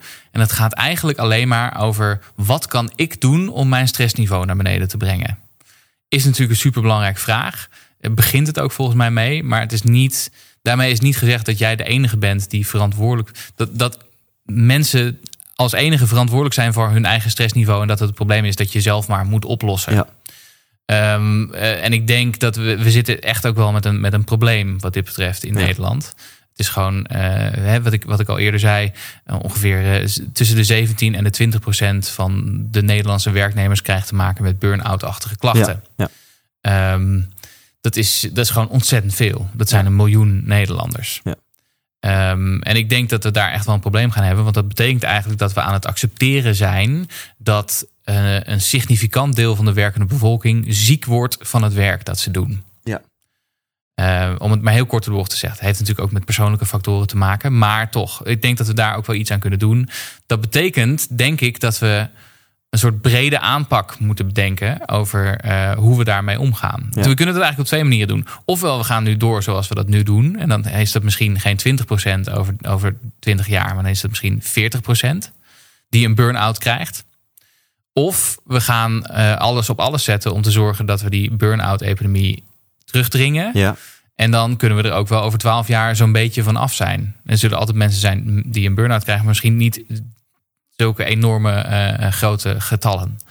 Eh, maar dat betekent wel dat we op een andere manier naar werk moeten kijken. Dat betekent eh, bijvoorbeeld dat werkgevers volgens mij hun werknemers een beetje moeten beschermen tegen werkdruk, omdat ze inzien dat, je, eh, niet, dat het niet alleen gaat om het op de korte termijn halen van doelen, maar dat het juist ook heel belangrijk is dat mensen op de lange termijn gelukkig en gezond aan het, eh, eh, aan het werk kunnen. Ja. Want daar haal je de resultaten. Eh, dat betekent denk ik dat we bijvoorbeeld eh, tegen kinderen eh, op scholen en tegen studenten op universiteiten andere dingen moeten zeggen. Ja. Namelijk, ja, haal het beste uit jezelf, maar doe ook een beetje rustig met Ja. jezelf. Want je moet nog een paar jaartjes mee, Ja. zeg maar. Ehm, en eh, je bent niet alleen, waar we het net over hadden, je waarde als mens wordt niet alleen afgelezen aan, de, eh, eh, aan, aan wat je doet in de wereld, aan je prestaties. Je mag er ook zijn als mens zoals je er bent. Ja. Ehm, eh, een vakbonden hebben we daarvoor nodig. Eh, de politiek hebben we daar ook voor nodig, volgens mij. Maar als we een soort brede aanpak daarin doen, dan, dan komen we volgens mij een stuk verder met die burn-out-epidemie. Ja, mooi. En als iedereen zijn eigen invloed gebruikt. Ik bedoel, als je kids hebt, dan heb je fucking veel invloed. Ja, Hè, want zeker. je bent hun imprint, ben je aan het installeren. ja, Eh, maar ook als je geen kids hebt. Dus als, als iedereen zijn eigen invloed pakt. En dan heb je de politiek en de vakbonden en alle leraren en leraressen en docenten en werkgevers en teamleiders. ja. Dan kunnen we met z'n allen een manifest eh, creëren. Ja, dus precies. Als we, als we rust een belangrijker plaats in ons leven geven dan dat het nu is, dan kunnen we ook in een snelle en drukke wereld ons hoofd Ja. boven water houden. Ja, want als ik twee dingen mag quoten uit jouw TED-talk. Ja, dames en heren, eh, TEDx Amsterdam ook nog. Ik mag binnenkort, ik weet niet of ik het al mag zeggen, maar fuck it, dan zeg ik het. Ik mag ook een TEDx-talk doen, maar dat. Friesland. Hè, is ook leuk. Ja, dit Maar was je- de je- TEDx UvA trouwens, dus de. Universiteit van Amsterdam. Ja, cool. Heel Ja. tof. En jij stond op Lowlands vorige week. Ja, en vier boeken gelezen, dames en heren. wat, wat kan Thijs niet? Maar ik quote twee dingen uit je TED-talk. Ja. Eh, a good life is a busy life. Ja. Dat dat een overtuiging is die redelijk eruit eh, geramd mag worden, denk ik, als wij burn-out vrij willen zijn. Zeker. En de andere is dat, dat wij dangerous, dangerous levels of stress, dat we dat heel normaal zijn gaan vinden. Ja, Nou, en dat is denk ik precies dat manifest wat je zei. Daar moeten we dus met z'n allen collectief anders over gaan denken. Ja, klopt. Ik vind het niet normaal dat de meeste mensen, als je ze vraagt hoe het met ze gaat, zeggen druk of te druk. Ja. Dat, is, dat is iets dat we met z'n allen normaal zijn gaan vinden. En ik, ik, ik, nou ja, ik, ik maak me daar echt wel erge zorgen over. Ja. Zeker omdat het op de lange termijn. Kijk, je kan er natuurlijk een burn-out van krijgen, maar eh, dat is niet het enige logische gevolg of het enige mogelijke gevolg.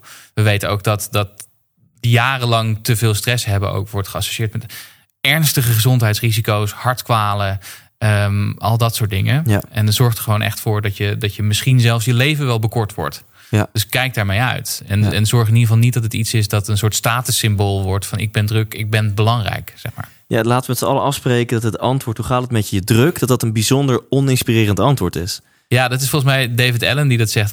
Nee, Tony Crab heeft het daarover. Die zegt, wat zeg je daar eigenlijk mee? Ik kan de hoeveelheid werk die ik heb niet handelen. Dat zeg je eigenlijk met, Ja, ja, ik ben ja. druk. Ja, zo van ik, ik, ik kan mijn eigen grenzen niet aangeven, ik zorg, zorg slecht voor mezelf en ik kan niet prioriteren. Dat, is een eigenlijk wat je he- zegt. Een hele bijzondere eh, eigenschap om je mee te laten voorstaan. Ja, ja, Ehm, werken met millennials. Ja. Eh, even eh, first things first, lekker na een uur. Maar Ja. ehm, eh, wat zijn millennials? Want je hoort wel eens mensen, ja, is het nou 1970, 1990? Weet je wel, in principe welke groep zijn millennials? Wat Er betreft? zijn wat verschillende opvattingen over. De meest gangbare indeling, de internationale indeling, is dat mensen. Dat zijn dus de generatie die is geboren tussen de 1980 en 2000. Oké. Ja, Eh, er dus zijn mensen die 1980 tot 95 aanhouden, maar ik hou 2000 Dus aan. 80s en 90s babies. 80s en 90s baby's. En die hebben dus hun vormende jaren gehad rond het begin van het nieuwe millennium. En daarom heten ze millennials. Mm, ja, Ehm, met alles wat daarbij speelt. Hè. Ja. We hebben een aantal van die dingen hebben we al eh, besproken. Maar dat is een wereldbeeld dat gedomineerd wordt door ehm, de toegang tot technologie. En alle mogelijkheden die dat opent. Maar ook de moeilijkheden daarmee. En het idee dat je zelf iets van je leven moet maken. Ja. En ook wel de verantwoordelijkheid om dat dan ook te doen. Nou, ik zit op het puntje van mijn stoel. Eh, in mijn team van 15 vallen 14 in deze leeftijdscategorie. Ja. Ehm, dus de, werken met millennials, wat, wat houdt dat in? Waar moet je rekening mee houden? Ja, met een aantal specifieke uitdagingen, denk ik. Ehm, als ik. Als ik manager spreek, als ik leidinggevende spreek, dan is vaak de twee grote risico's. Is enerzijds dat mensen zich een burn-out inwerken. Want Ja. dat gebeurt nogal vaak bij die groep. Ehm, en dat je dat ook relatief weinig door hebt. Want het lijkt heel lang goed te gaan totdat het opeens niet meer goed gaat. Ja. Eh, en aan de andere kant, hoe, hoe zorg je ervoor dat ze, ehm, dat ze loyaal zijn aan jou eh, en aan die organisatie? Ehm, dus dat zijn, want, want als ze een betere kans zien, dan, eh, of het gras is groener aan de overkant, dan ben je ze ook zo weer kwijt. Dat is Ja. vaak de opvatting. Of je investeert een half jaar in ze en vervolgens willen ze graag, besluiten ze opeens dat ze gaan geiten hoeden in Chili en dan ben je ze ook kwijt. Ja. Ehm, dus dat gaat eigenlijk over twee verschillende skills. Hè? Dus het gaat Ja. eigenlijk over hoe zorg je ervoor dat mensen een beetje dat je mensen een beetje behoedt om in die eh, burn-out te komen. En dat doe je door goed de signalen te zien. eh, en mensen ook en, en ook uit te dragen als leider dat je dat een belangrijk onderwerp Ja. vindt. Ja. Ehm, en die andere kant, hoe zorg je nou dat je millennials aan je bindt en dat je bijdraagt aan hun ontwikkeling?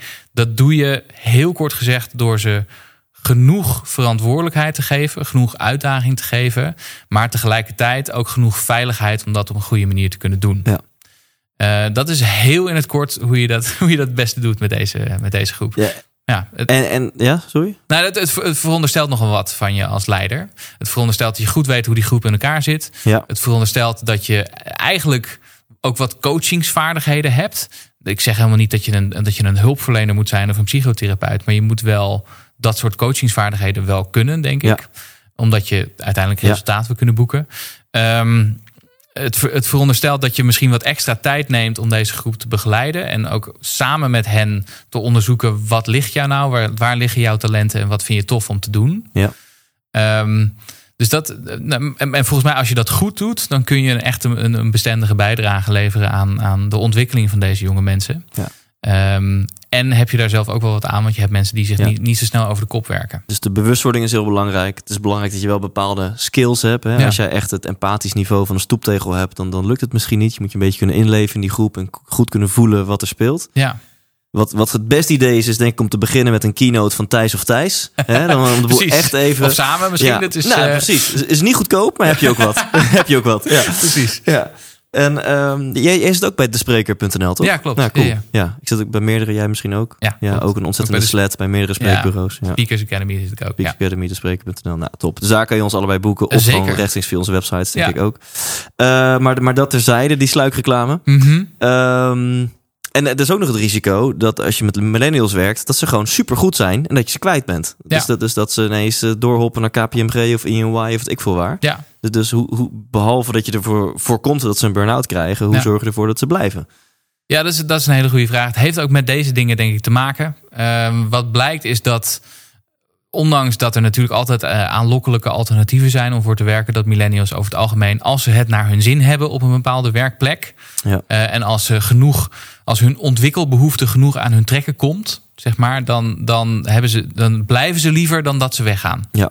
Dus daar ligt een hele grote kracht, denk ik. En het is ook echt, denk ik, het, on- het- is wel wat een hele goede leider ehm, of een leidinggevende of een manager onderscheidt van een, van een niet zo goede, is kun je mensen inspireren en kun je ook echt betrokken zijn bij hun ontwikkeling. Ehm, en dat, dat betekent eigenlijk. Kijk, ik denk dat een van de dingen waar we het meest behoefte aan hebben, is duidelijke rolmodellen, goede rolmodellen. Want die vind je niet op Instagram, Mhm. zeg maar. Die moet je echt, het is echt al Ten, werkende- tenzij je mij volgt. eh, eh, tenzij je natuurlijk Thijs Ja. volgt. eh, Maar dan zie je alsnog alleen maar een bepaald beeld van Thijs. Dat hij graag naar buiten toe uit wil dragen. Ehm, maar hoe het daadwerkelijk zit, dat leer je in, in een soort, nou ja, een, misschien bijna mentor-leerling relatie ja. die je hebt.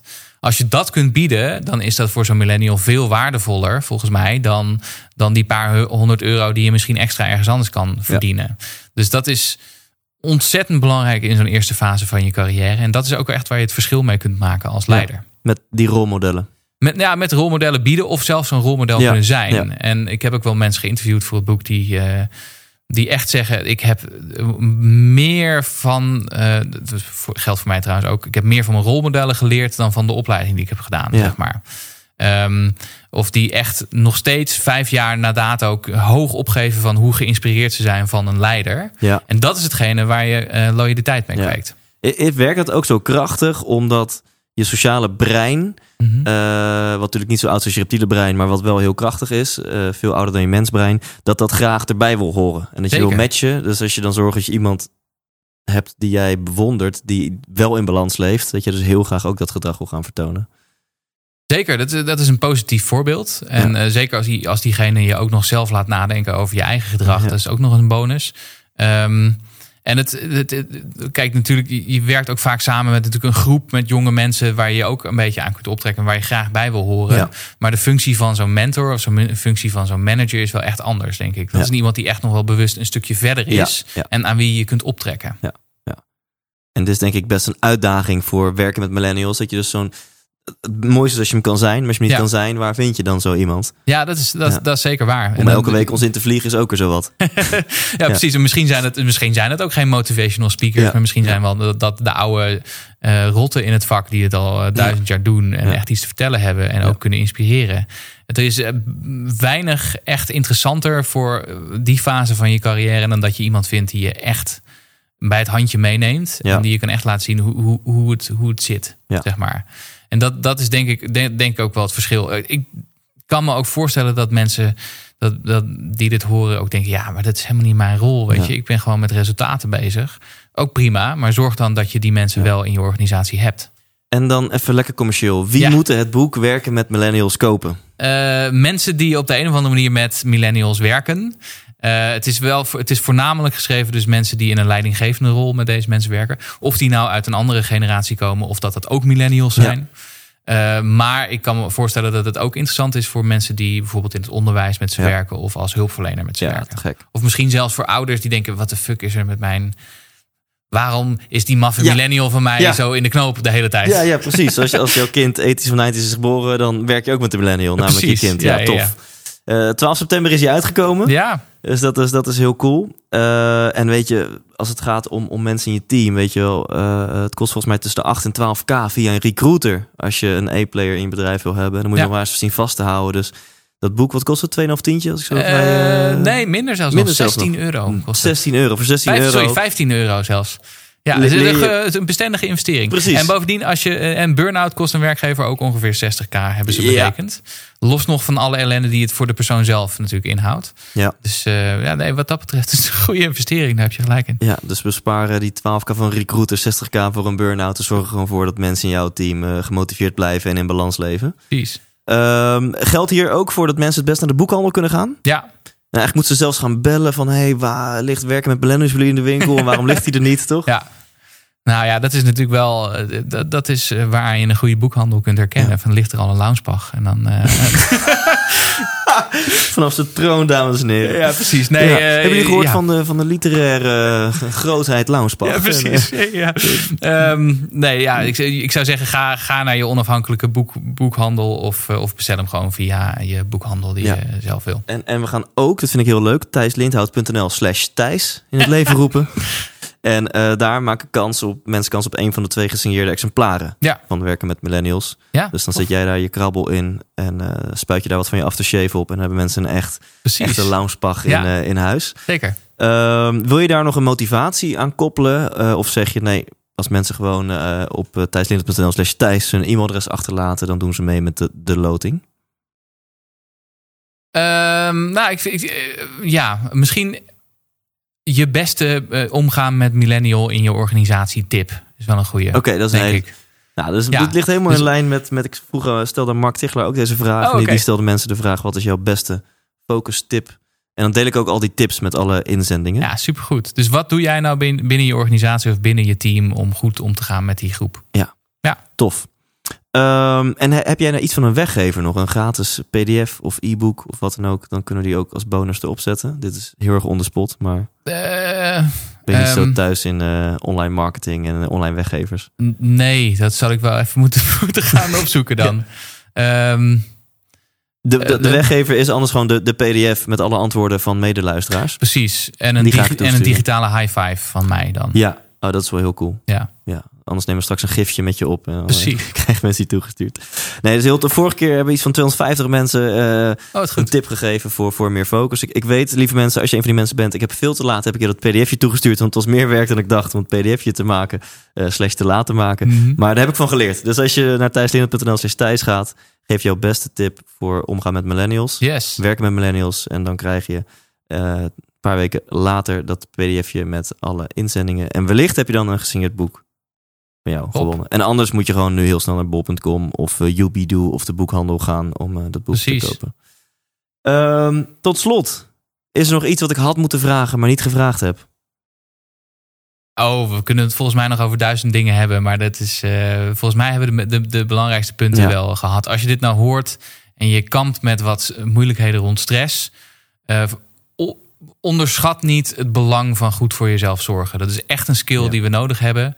Ehm, en dat is echt iets dat je eh, nu en misschien nog wel meer in de toekomst ook nodig gaat hebben in je carrière. Goed omgaan met stress. Amen. Dankjewel Thijs. Graag gedaan. Box. Box.